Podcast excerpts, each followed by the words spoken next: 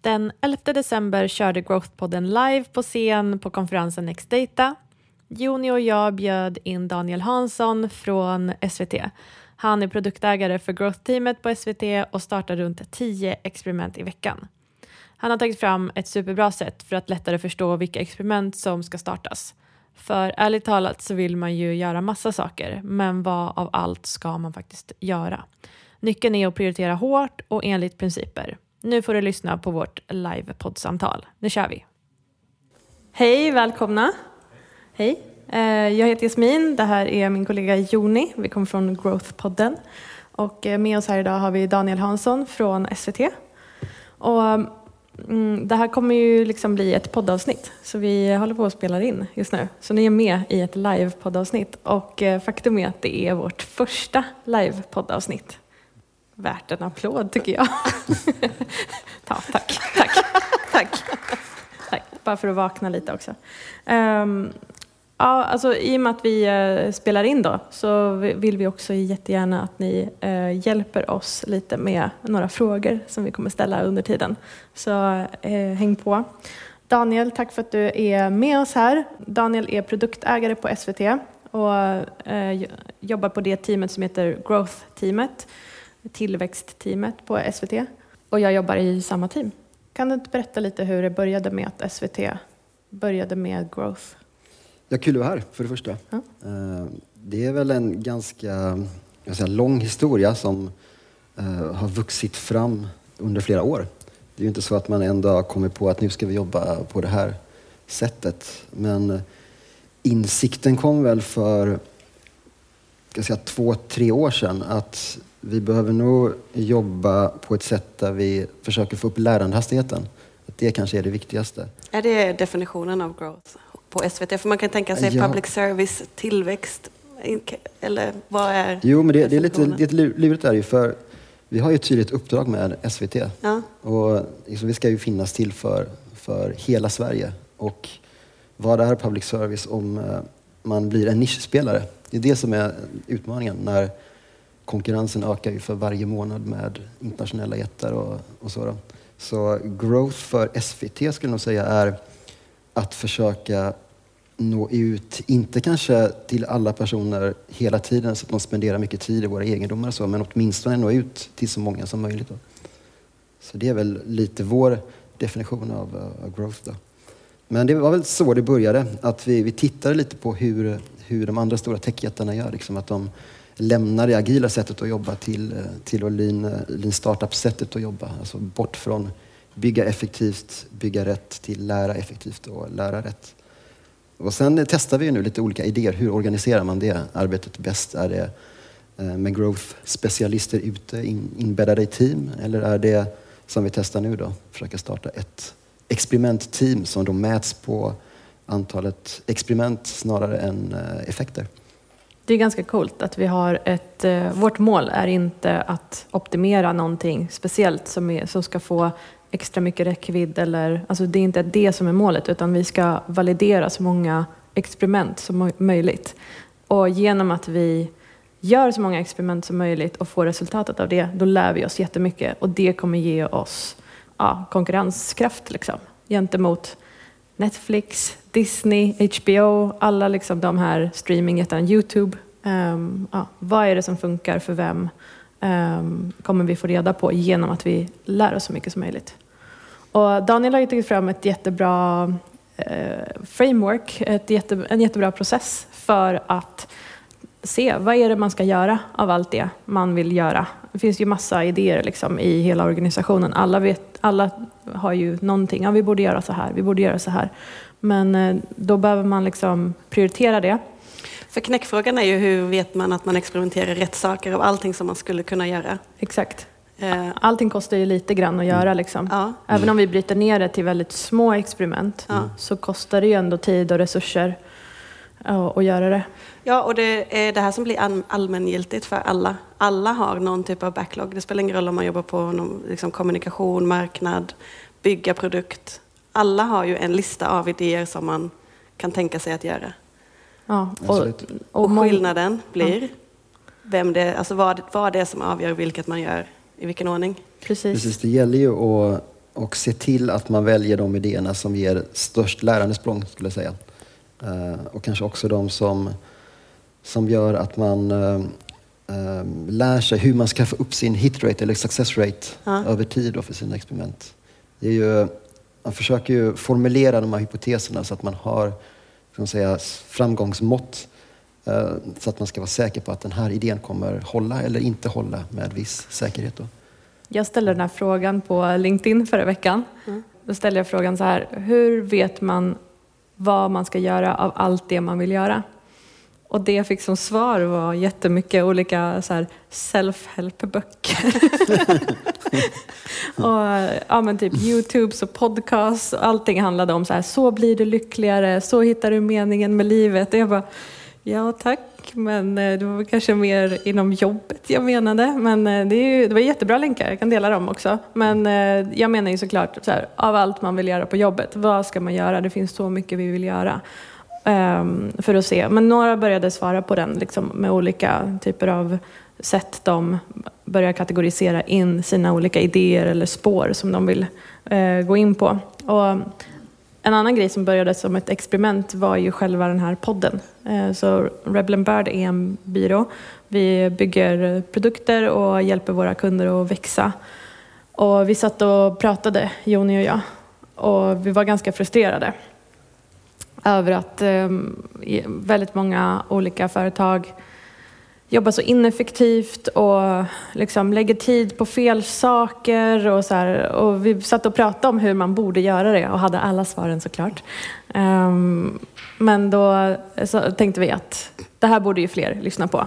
Um, fler personer som jobbar med marknad och produkt, de behöver lyssna på det här och liksom förstå det tänket vi kommer ifrån. Det är, det är liksom ett mindset. Det är inte, det är inte gör det här, just det här experimentet så kommer du lyckas, utan tänk på det här sättet. Lägg om ditt, ditt arbetssätt på det här sättet. Och det, alltså, podden var ju ett experiment. Vi tänkte ju så här, men hur svårt kan det vara? hur svårt kan det vara att göra en podd?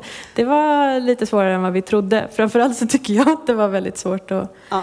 Eh, spela in sin egen röst och höra den inspelad. Kan vi inte fråga publiken, hur många, hur många av er när ni går till jobbet varje dag har en modell för att bestämma er vad det är ni ska göra?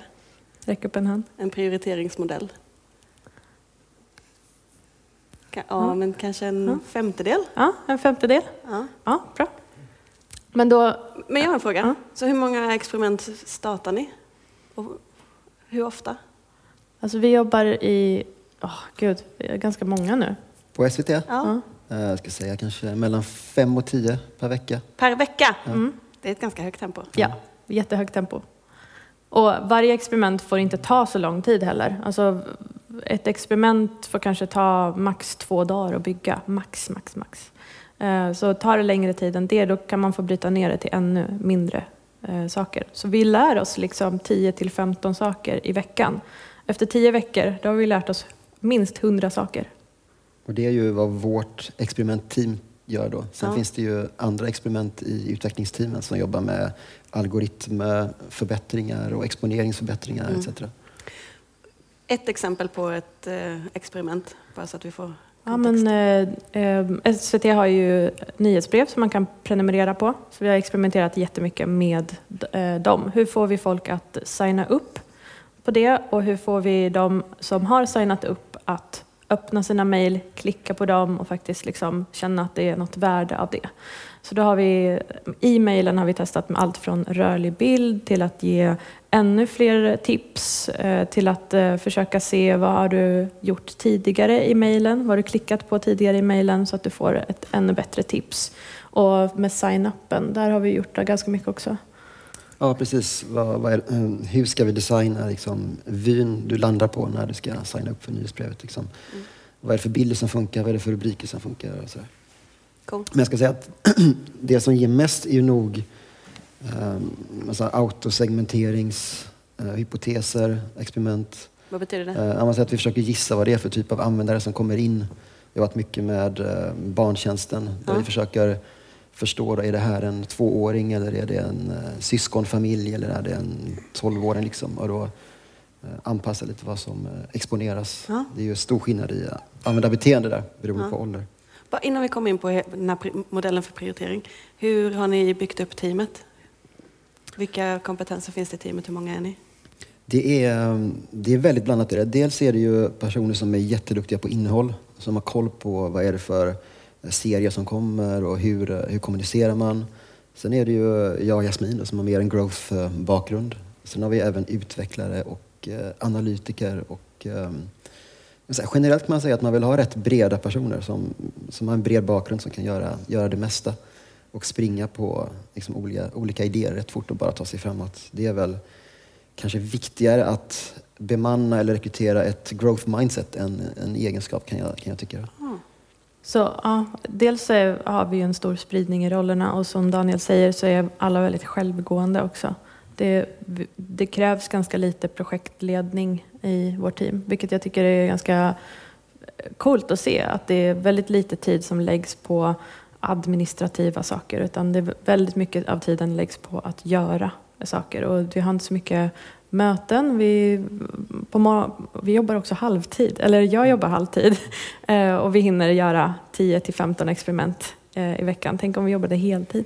Ehm, men då, det, jag tycker det är ganska coolt att vi liksom inte slösar massa tid Eh, utan det, det, handlar bara om att göra, göra, göra. Och på morgnarna då, då stämmer vi av med varandra. Vad ska vi göra? Vad har vi gjort? Och då kan vi reda ut lite olika saker också. Men sen resten av dagen då jobbar vi fritt tillsammans. Eller liksom, ja, man, man vet vad man ska göra. Det är inga fler möten egentligen. Ska vi ta tag i den här prioriteringsmodellen då? Ja.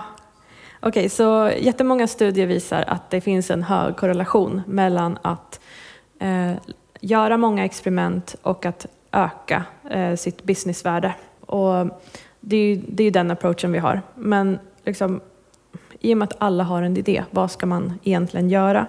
Eh, och Daniel har ju tagit fram den här mallen för att poängsätta vilka idéer man ska börja med och liksom lyfta upp och prioritera. Men vad, är det för, vad finns det för fördelar med att prioritera dem? Ja, men det var ju lite som jag sa innan där, att eh, få upp lärandehastigheten är ju det man vill komma åt. Då. Och eh, det gör man genom att välja rätt experiment att satsa på.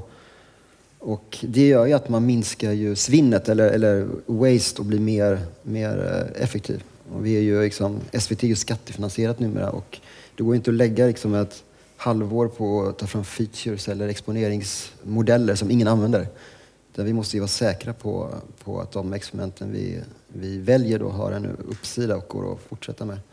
Och över tid, då, om man jobbar med, i alla fall vad vi har, vi har märkt, att man jobbar med den här typen av scoring eller poängsättning så blir man teamets uh, success rate när det gäller att validera hypoteser blir, blir bättre än att, man, än att man har en mer traditionell approach. Då. Betyder det att, uh, att man hade rätt? Just det, man, man, man kan validera att den här idén har förmodligen en den har en hög signifikans att den kommer hålla över tid. Då. Sen är det ju alltid lurigt med kannibalism och suboptimeringseffekter och sånt som man kanske behöver, behöver mäta över tid snarare. Men det är, man designar, försöker designa experimenten så att man är hyfsat säker på att man ska lägga mer tid på dem så de i sin tur kommer in i en backlog. Vad menar du med kannibalism? Kannibalism är att man, man kanske lägger till en feature eller gör en förändring som eh, locka till sig mycket klick eller beteende som kanske bara tar beteende från andra delar av, av eh, egendomen. Då. Egentligen är det bara beteendet som flyttar runt i, i tjänsten, det växer ju inte. Mm. Uh, alltså det låter ju skitbra. Varför gör inte alla så här då? Och det är ju, jag ska säga, också, får man upp sin eh, success rate, då får, gör man ju oftast saker som användarna gillar. Eftersom de visar på ett beteende i de här experimenten att ja, men det här verkar ju användbart. Man, hela tiden får man ju benchmarka mot lojalitetsmetrics och eh, räckviddsmetrics och sånt där. Räck upp en hand. Hur många här inne är med och bestämmer vad som ska göras? Ja, det var nästan alla. Okej, okay. nästan alla är med och bestämmer. Ungefär en femtedel har en, eh, ett system för att prioritera. Okej, okay, men vad behöver man? Eh, finns det några förutsättningar man behöver ha från första början? Ja, det funkar ju bättre om man, har, om man gör det här på en redan skeppad produkt. Mm. Uh, för man vill ju samla in kvantitativ data nästan i alla experiment för att validera att det finns en, en, en, eh, en, liksom en, en framgång med den här idén. Ehm, så det är väl det viktigaste och det kräver ju också att man har bra AB-testverktyg, gärna sådana lågbarriärsverktyg eh, som alla kan använda. Sen eh, underlättar det ju om man har en kultur som är hyfsat liksom, datadriven. Att man inte behöver, för varje gång man, man visar resultat från experiment, behöva förklara metrics och, och, ja, och så vidare. Um, så det funkar ju sämre om man jobbar med längre förstudier eller om man kör prototyping-projekt och sånt där. Då är det ju svårt, tycker jag. Varför är just AB-testverktygen så viktiga? Uh, ja, men det är för att man, man vill ha det här kausala sambandet. Man vill ju ändra på en sak och så vill man veta att det är just den förändringen som gjorde att vi ökade då, det kan vara räckvidd eller lojalitet till en viss titel eller feature eller, eller whatever. Så det är det absolut bästa verktyget för att veta så att säga. Då. Sen använder vi såklart också kvalitativa metoder, framför allt för att identifiera hypoteser. Men vi skulle, numera använder ju väldigt sällan vi, vi använder kvalitativa metoder för att validera att det här är en bra idé eller inte. Det är ju oftast för stor osäkerhet i det. Man behöver komma upp till 40-50 användare kanske. Alltså på ett sätt är det ganska tacksamt att jobba för SVT som har så många tittare. Liksom. Men vi har ju också jobbat med delar som inte har så många eh, som just titta på det där delen. Det kanske bara finns 30 000 som kan utnyttja den här grejen. Alltså typ teckentolkat eller syntolkat. Liksom. Um, det, är ju, det är ju inte miljoner människor som kan titta på det. Uh, ja, Melodifestivalen är en grej, men uh, och vissa nyhetsbrev har vi ju startat som är helt, helt, helt nya nyhetsbrev. För recept till exempel så har vi ett helt nytt nyhetsbrev. Det har ju börjat från noll. Så det, man måste inte ha en produkt som vänder sig till miljontals människor, men försöka liksom snabbt experimentera för att hitta hur ska vi gå från noll till tusen till 10 000 till 100 000 till och så vidare. Hur många av er jobbar med AB-tester som metod för att validera? Ja, Färre? Tre, fyra? Ja, ja. ja, En tiondel kanske. Hur många tänker sig att man kommer jobba med det? Ja, ja. svaret är ja. Ja, jättebra. Um, Okej, okay, så nu har vi våra förutsättningar. Nu uh, behöver vi samla massa idéer. Hur gör man det? Yes, ja, men de som du var inne på innan där, de finns ju överallt, idéer. Det är ju, de kan ju komma från, uh, från management, ledning, de kan komma från teamet. Även våra konkurrenter har ju supermycket bra idéer. Och eh, SVT är en relativt liten spelare internationell mått, inte på ett internationellt plan. Då, så vi tittar ju mycket på vad Netflix och Youtube etc. gör och ibland så snor vi bara deras idéer eh, och ser, funkar de i vår kontext? De har ju säkerligen lagt ner supermycket tid på researchat de här och validerat dem. Så det, det kan vara otroligt kostnads, kostnadseffektivt, framförallt då på mogna marknader. Sno idéer, funkar de i vår kontext, gå vidare.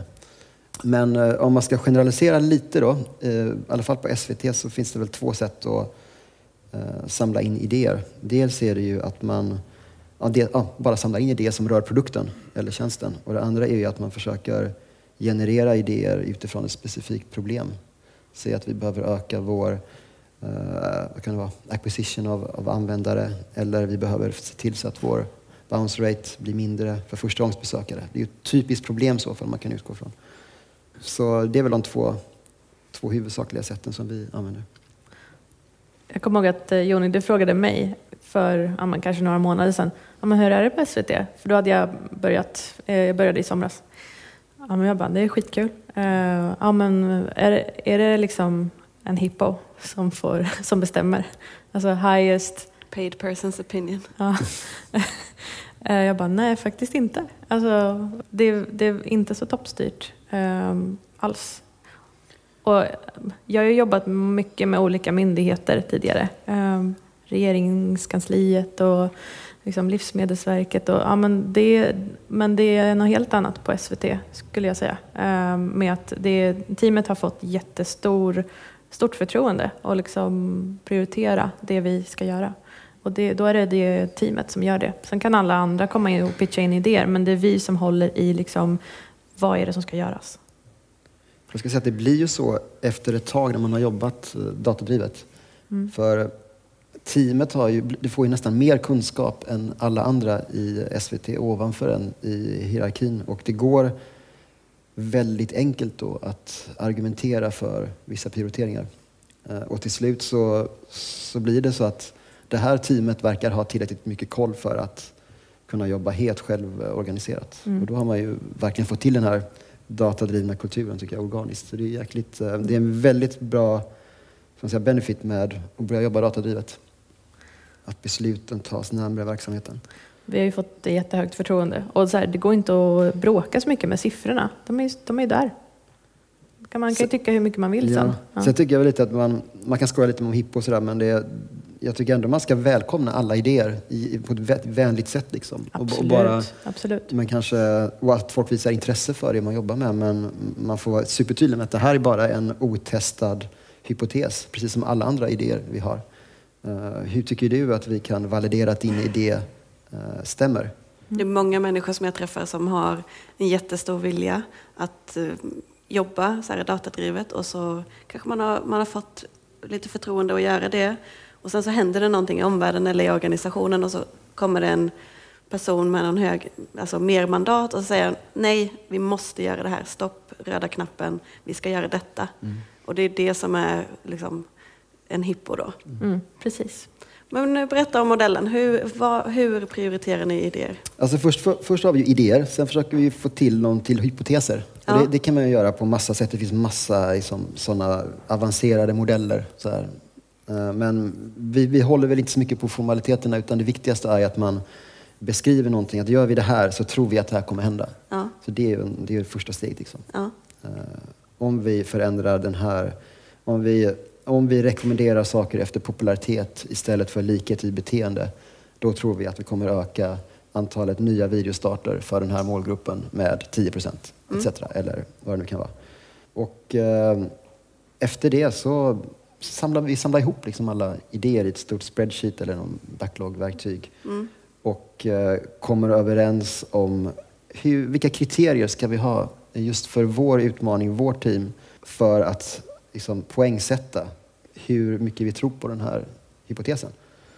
Um, och då, alltså vi, jag vet inte om du ska visa det sen kanske Jasmin, men vi har ju, det finns ju redan etablerade modeller för det här. En som heter ICE som är jättebra tycker jag, men kanske inte passar alla kontexter.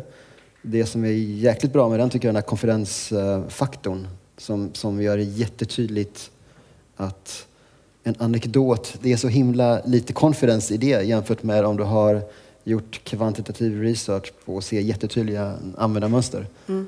Men det, det är ju, den är ju kanske lite för Eh, för, e- för enkel för, för kanske vår organisation. Vi, vi tror ju mer på kanske att få upp lärandehastigheten, så det är ju en viktig faktor som vi lägger till.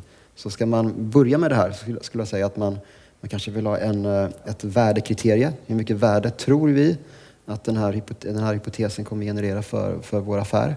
Och sen också hur lång tid tar det att uh, utveckla den här, vi kallar det för MMF, Minimal Marketable Feature, eftersom vi oftast kör liksom vidareutveckling av en befintlig tjänst. Men gör man en helt ny grej, då kanske man får bygga en liten eh, MVP. Då.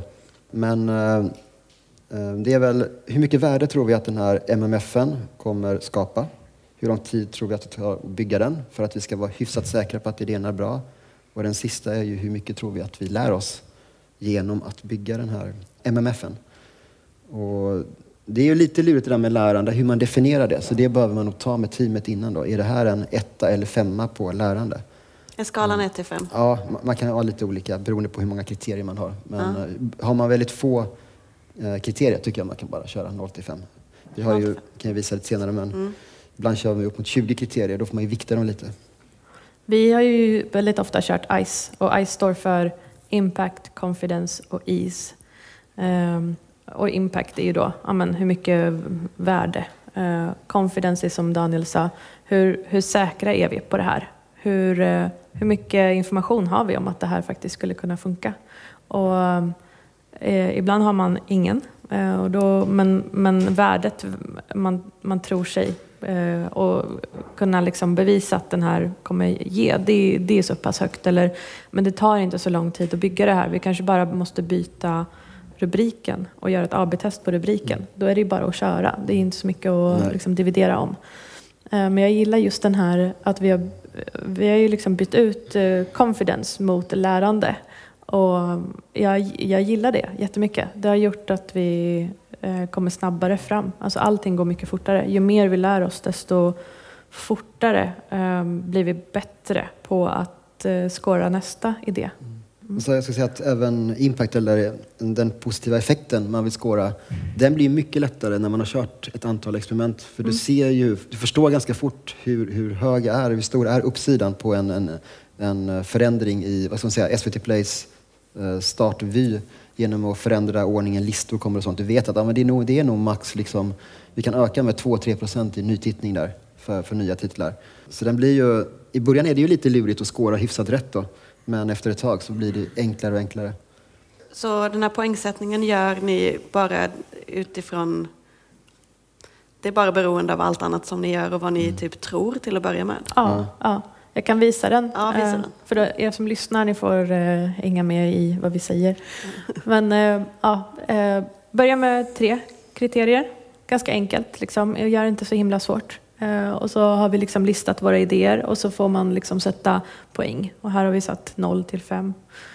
0 till 5 på värde, 0 till 5 på hur mycket resurser eller vad det kostar att göra det. Och eh, den är ju lite jobbig för att eh, när det är lågt med resurser, alltså när, när det tar lite resurser, då får den en hög poäng. Så det, det, vi sätter alltid fel. Okay. vi, har, vi har satt lite resurser, bara för att mm. vi ska liksom tänka till där. Men eh, man, man tänker tvärtom två gånger så blir det fel ändå. Uh, och sen hur mycket vi lär oss. Och så blir det en score. Uh, och då mm, får man ju rangordna då. Hur, hur mycket score får mm. den här? Och, så högst poäng, det är nästa test? Ja, precis. Ja, sen är det ju, vissa experiment behöver ju göras i viss ordning kanske, de kan vara beroende av varandra och så. Okay. Ja. Men jag tänker, det är ju ett sätt att skåra, man kan göra det på massa sätt. Men uh, antingen tillsammans i ett team bara, som produktplanering. Eller som jag har testat några gånger att man har, man har framförallt ett gäng med hypoteser. Det kan vara upp mot 80-90 hypoteser man kan ha om man vill ha en längre experimentperiod. Att man då kanske har en uttalad scoring-workshop. Och, uh, och vilka är med på en sån? Ja, då är det ju egentligen hela, eller jag tycker det ska vara helt öppet. Ah, okay. alla, alla kan vara med som är intresserade av produkten.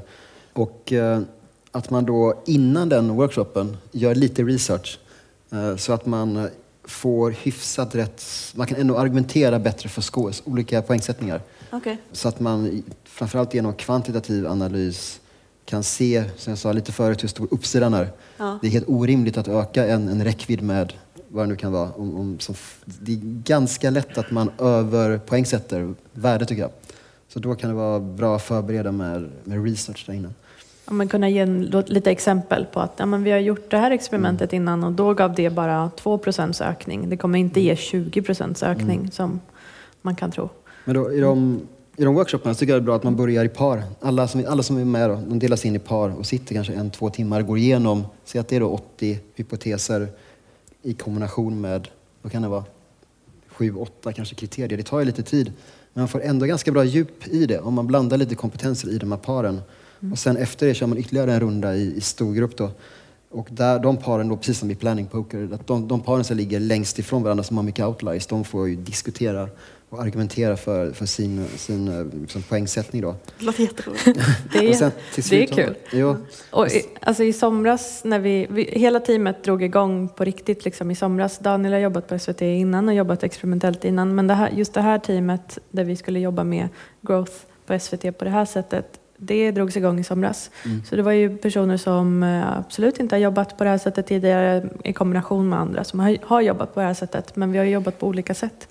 Den första scoring eh, workshopen den tog ganska lång tid mm. och vi, jag tror inte ens vi blev klara med alla våra hypoteser. Liksom. Och nu för, vad var det, förra veckan eller så hade vi en till eh, workshop. Då blev vi klara på tid. Får jag vara med på workshopen? Välkommen. Tack. Eh, alltså jag, kan ju, jag kan ju visa hur eh, vår modell ser ut på mm. SVT.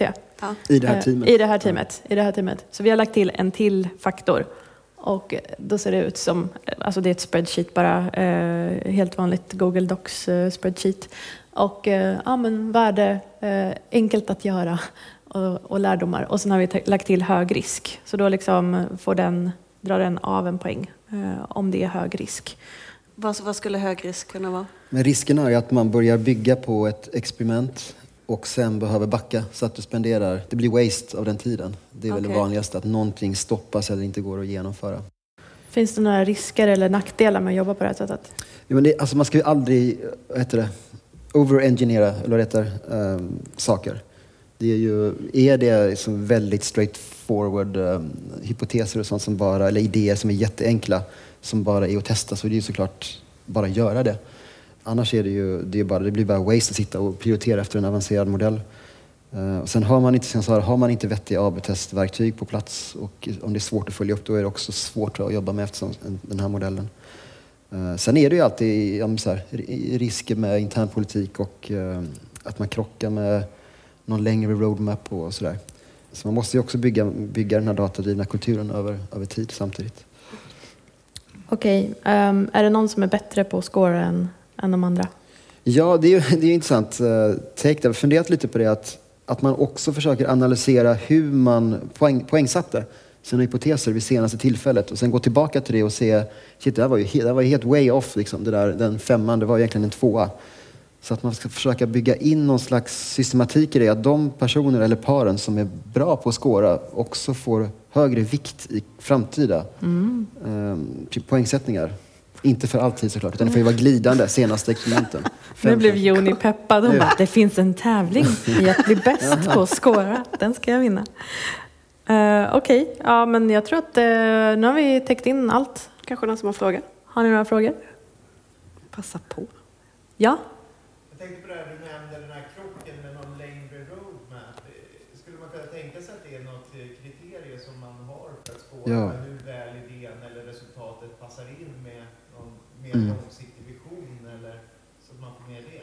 Ja. Så, så frågan gäller Frågan gäller om hur man, hur man förhåller sig mellan att optimera, mm. experimentera till en längre roadmap. Mm. Det är ju precis jättebra fråga, för det var ju den första kriteriet vi lade till när vi hade börjat experimentera med den här modellen. Eh, så den har ju också, vi viktar ju de olika kriterierna, den har ju en jättehög vikt ändå. Så ser man att den här hypotesen kommer stödja en långsiktig roadmap eller strategi, då får den betydligt högre score. Så absolut. Sen är ju många strategier är ju också hypoteser. Så de bör ju också um, hanteras som hypoteser kan jag tycka. Det här är bara en idé som vi behöver validera så fort som möjligt. Jag håller verkligen med. Det är bara större bets. Mm. Ja, det gäller bara att få ner den här ja. feedbackloopen ja. från tre år till ett kvartal kanske. Ja. Gärna fler frågor. Vi har några minuter. Ja.